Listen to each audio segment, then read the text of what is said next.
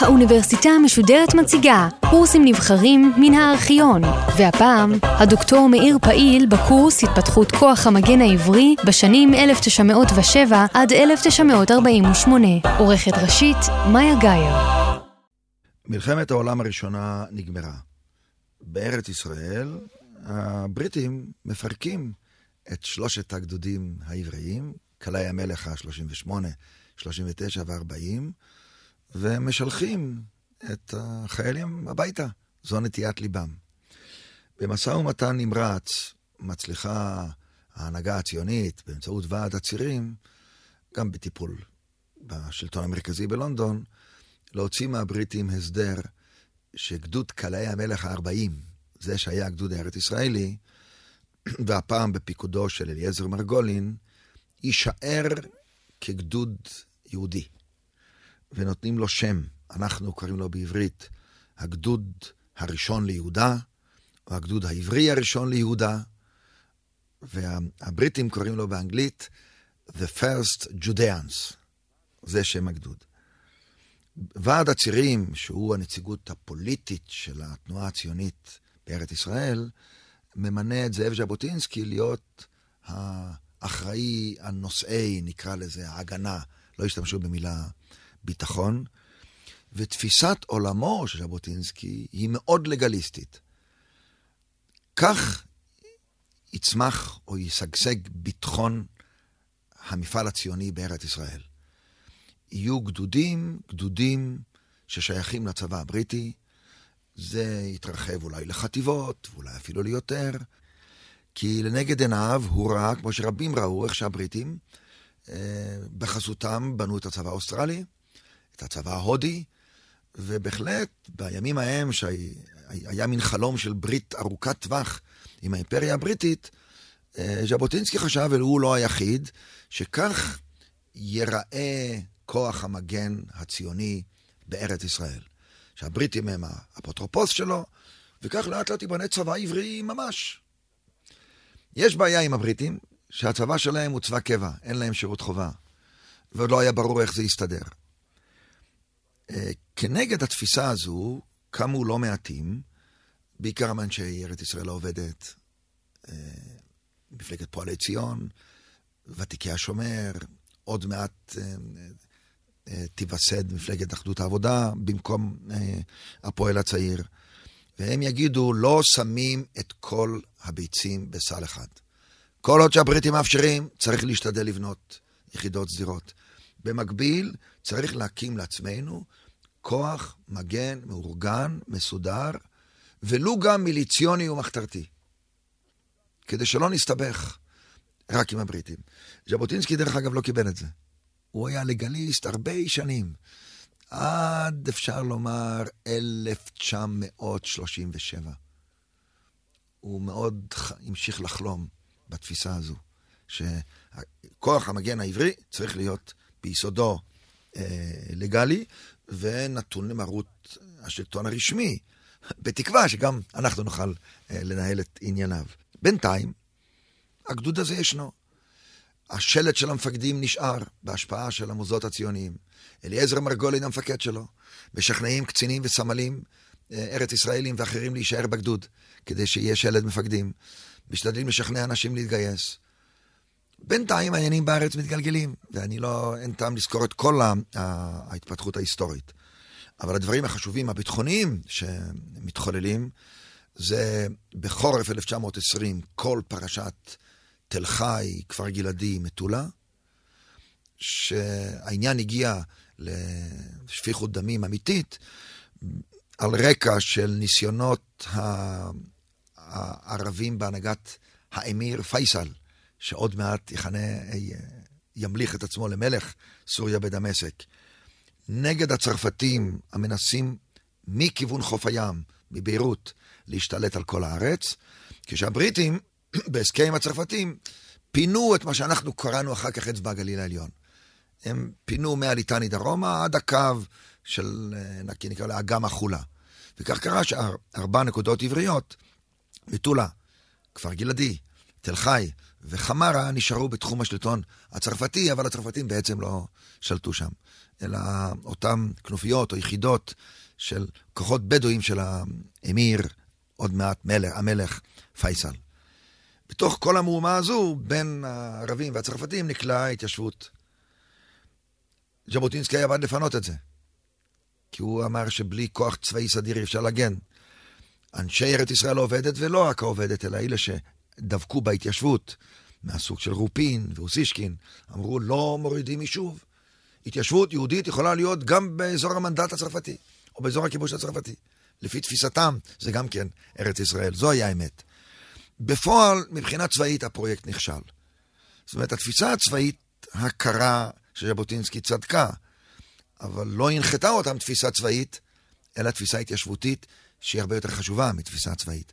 דרך אגב, מספר חודשים לאחר מכן, חידשו את היישוב שם, בחסות צרפתית. העלו את כפר גלעדי, העלו את מטולה. מפני שהתפיסה הייתה שגם יכולה להיות התיישבות יהודית באזור השלטון הצרפתי, זה, זה לא נורא. עכשיו, מיד לאחר מכן התחוללו ברחבי הארץ מאורעות שונים, שגם כן נבעו בפעילות בדואית, אבל גם ערבית, נגד הבריטים ונגדנו. באזור עמק הירדן, באזור עמק בית שאן, פשטו על העיר בית שאן, שהיא עיר ערבית שהבריטים היו צריכים להגן עליה, אבל גם בהזדמנות זו תקפו את קיבוץ גשר, והם הגנו עליו, תקפו באזור הדגניות, והיה מין פרעות לא סימפטיות בירושלים. כשצריך איכשהו לאלתר כוח מגן כדי לשמור על הרוב היהודי בעיר העתיקה ועל מקומות אחרים, זה עוד לא היה בנמצא.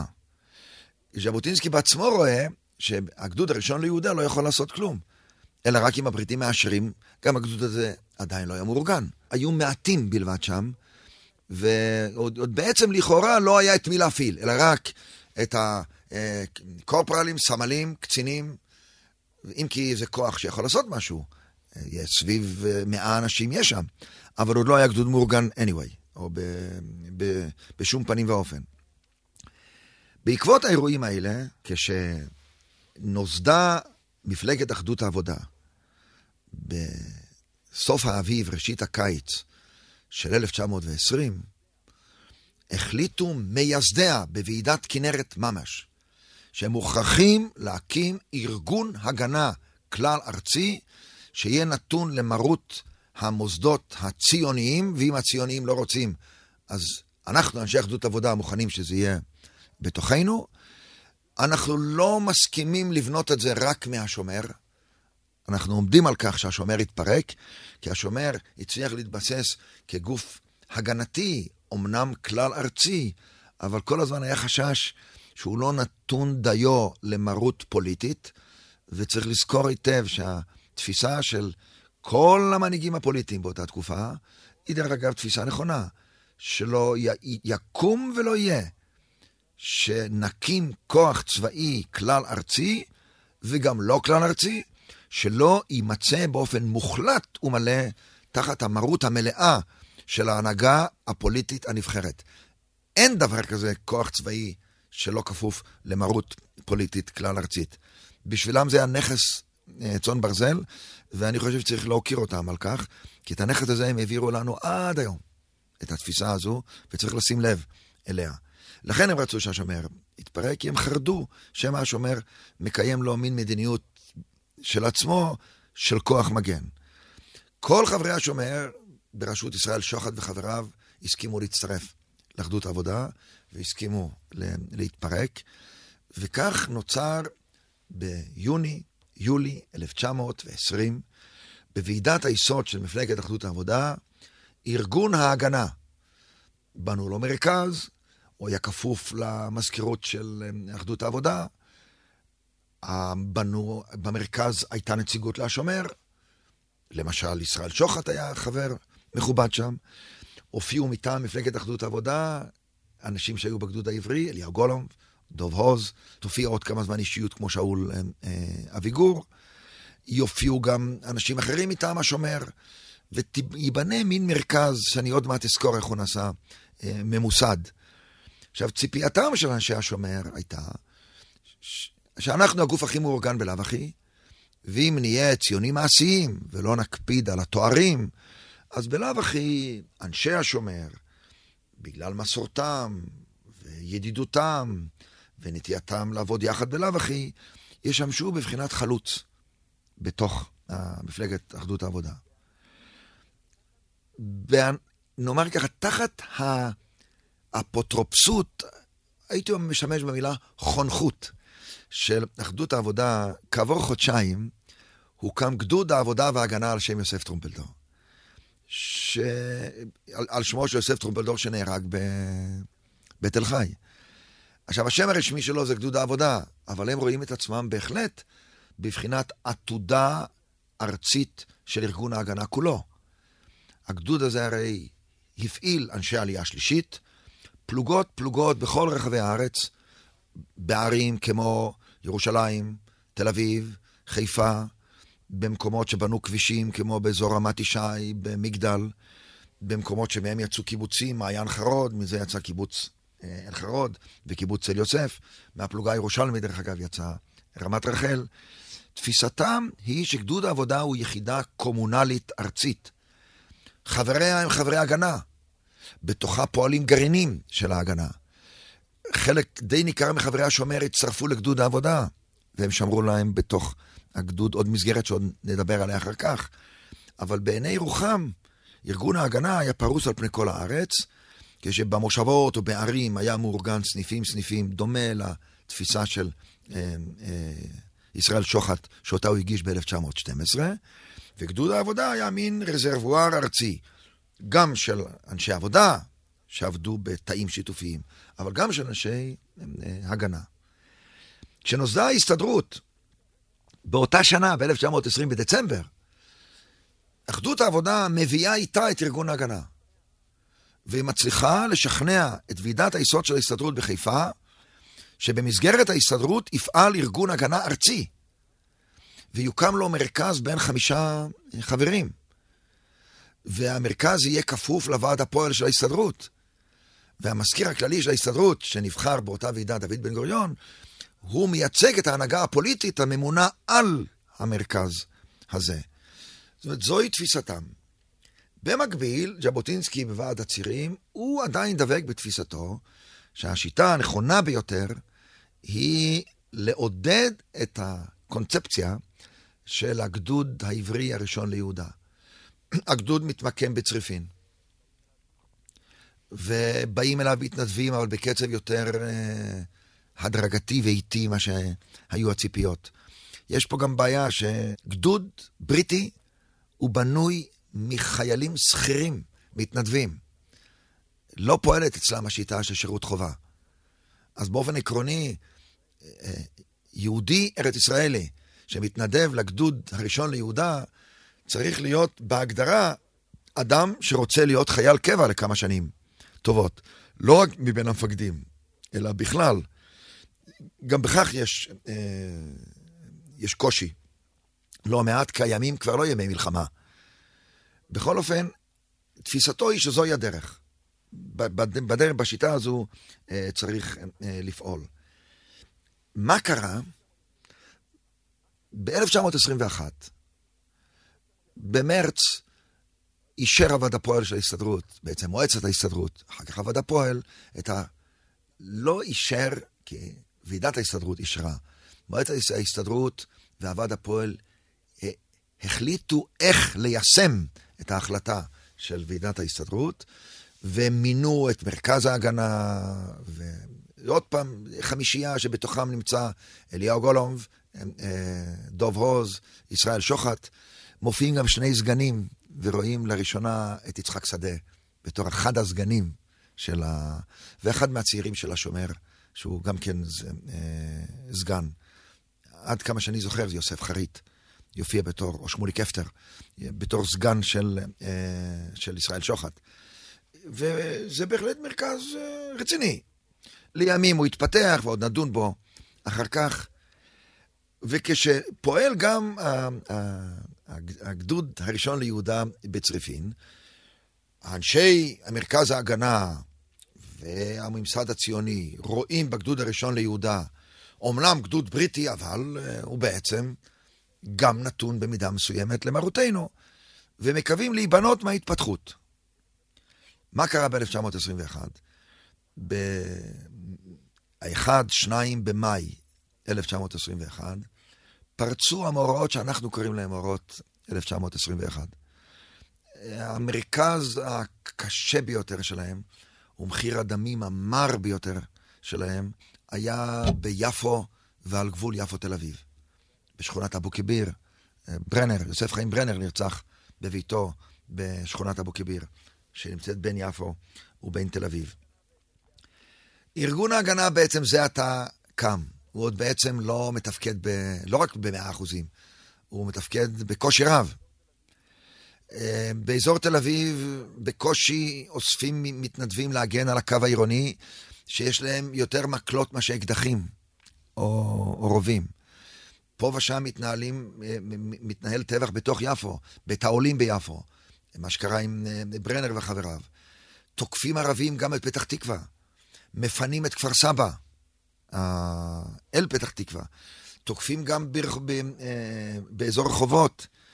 האזור הזה, האזור שנקרא לו היום תל אביב רבתי, או גוש דן ועד אזור אה, רחובות, הוא האזור המותקף. ברגע של מצוקה, ישראל שוחט טלפן למחנה צריפין. אליעזר מרגולין לא היה, המג"ד לא היה, אז הוא דיבר עם עם, עם סרן יופה, שהיה שליש הגדודי. בתקן הבריטי, שליש הוא גם קצין מבצעים. וסיפר לו את המצב ואמר, קחו את מה שיש לכם, ובואו לתל אביב. יפה. הוא אפילו אמר לו, אל תערב יותר מדי את מרגולין, כדי שאם זה בסוף יתפרש על ידי הבריטים לחומרה, שאליעזר מרגולין לא ינזק. הוא לקח את מי שהיה לו, זה כמה עשרות חבר'ה, רבי תוראים, סמלים וקצינים, הגיעו לתל אביב, ביררו אצל ישראל שוחט מה המצב, הוא הראה להם מה המצב, הם לקחו, הם היו לבושים מדים, הם נכנסו לתוך יפו, במדים בריטים, הגיעו עד הנמל, הוציאו משם נשק, חזרו בחזרה, עשו סדר ביפו, נכנסו לקו העירוני, ובעצם אפשר להגיד שאנשי הגדוד העברי הראשון ליהודה, הם נתנו את התשובה המלאה שבלמה סופית את מאורעות 1921. כשבמקביל, קבוצה קטנה מוותיקי השומר יצאה מתל אביב לסייע לאנשי פתח תקווה, עד שהם הגיעו לשם, אז יש יחידה של דיוויזיה הודית. אה, פתרה שם את הבעיה ומנעה, בלמה את ההתקפה שהייתה שם. במקביל, אליעזר מרגולין חזר לגדוד, ונודע לו מה שקרה, הוא התרעם מאוד על זה שלא הודיעו לו. הוא שלח עוד כמה מהנותרים לעזור להגן על רחובות, ובעצמו בא לתל אביב להשתתף בהגנה. הסוף היה בסדר. הגנו על תל אביב, הגנו על רחובות, פתח תקווה עשו את זה ההודים, ובסופו של דבר לקח כמה ימים, נרגעו הרוחות והסדר חזר על כנו. אבל הבריטים למדו לקח. נקרא לזה, בניגוד לקונספציה שחשב ז'בוטינסקי, המסקנה שלהם הייתה, לא ניתן לגדוד הראשון ליהודה לקום ולהיות. אם כך הם פני הדברים, שאנחנו בחונכות שלנו בונים יחידה צבאית סדירה עברית בצבא הבריטי, וברגע של uh, uh, חירום, המפקד שלה וחייליה לא מחכים לפקודות מטעם המפקד הבריטי הבכיר או השלטון הבריטי, אלא הם פועלים במקומות שונים לפי צו או קריאת המוסדות היהודיים, שהבריטים אומרים, השד יודע איך הם מאורגנים, אבל דבר אחד בטוח, שזה לא בא, ההוראות האלה לא באו אה, אה, מאיתנו, אז מוטב שיחידה כזו לא תקום ולא תהיה. כמובן, הם גם אמרו, הנה, אתם רואים? אנחנו לא מתעלמים מאחריותנו, עובדה ששלחנו יחידה הודית להגן על פתח תקווה, ומוקדם או מאוחר, באמצעות משטרה ו... וצבא בריטי גם היינו פותרים את בעיית תל אביב. ההרגשה של מפקדת ארגון ההגנה של, שלנו הייתה לגמרי אחרת, והם בהחלט חשבו שאם לא היו מגיעים בזמן, היה יכול להיות מצב חמור, אבל המסקנה הבריטית הייתה חמורה, ועל ידי פירוק הגדוד הראשון ליהודה ב-1921, בעקבות מאורעות אה, אה, מאי 1921 ביפו, בעצם הוכח שהקונספציה הלגליסטית, שתמך בה מאוד ז'בוטינסקי, בנתונים הקונקרטיים של שלטון בריטניה, עוד לא היה לה מנדט, של שלטון בריטניה בארץ ישראל, הם תפיסה לא ריאלית.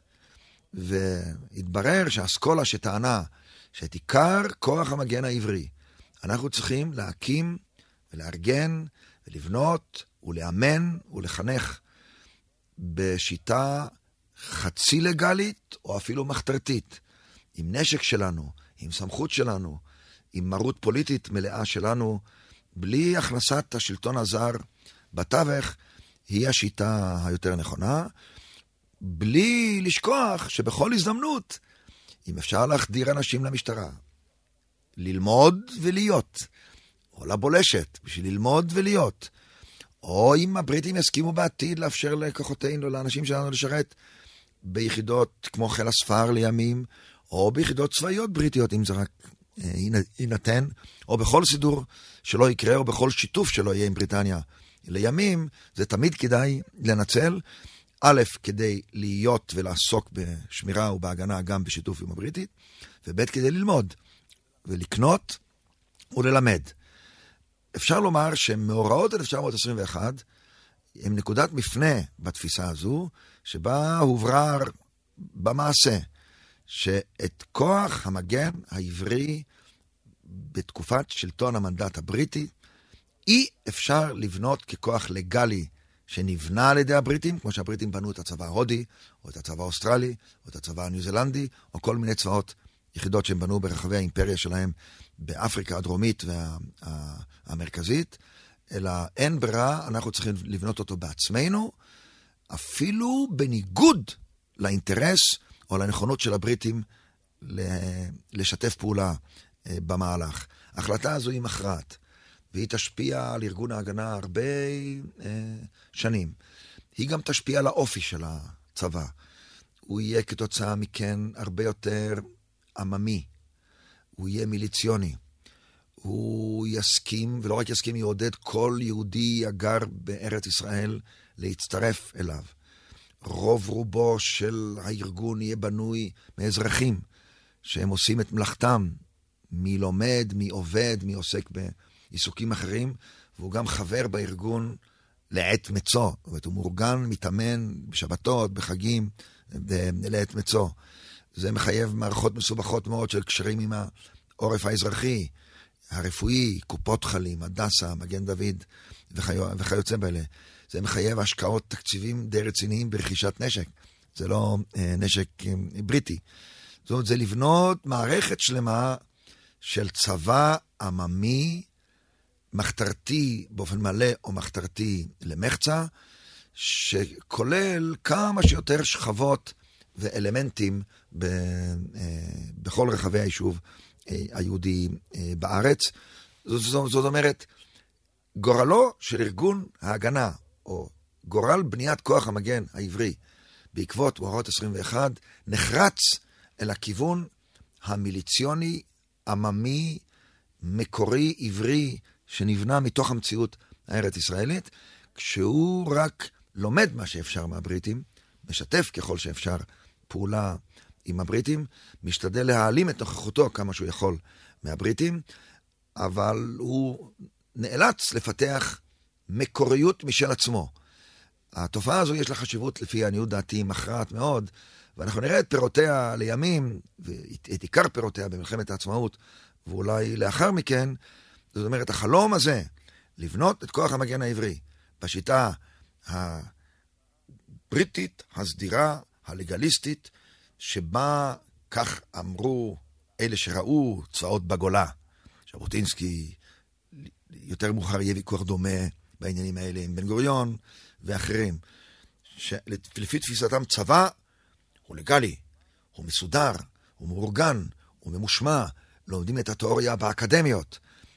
כשאומרים צבא, הם רואים לנגד, את, את, לנגד עיניהם דגם די ברור שכל אחד מהם ראה אותו במחוז הולדתו, איפשהו מקום, באיזשהו מקום, ברוסיה, ברוסיה, במרכז אירופה, במערב אירופה, בארצות הברית, או במלחמת העולם הראשונה. כך הם ראו את, ה, את העניינים נגד עיניהם. הדגם הזה של הצבא נמנע מאיתנו להקימו מראשית הדרך.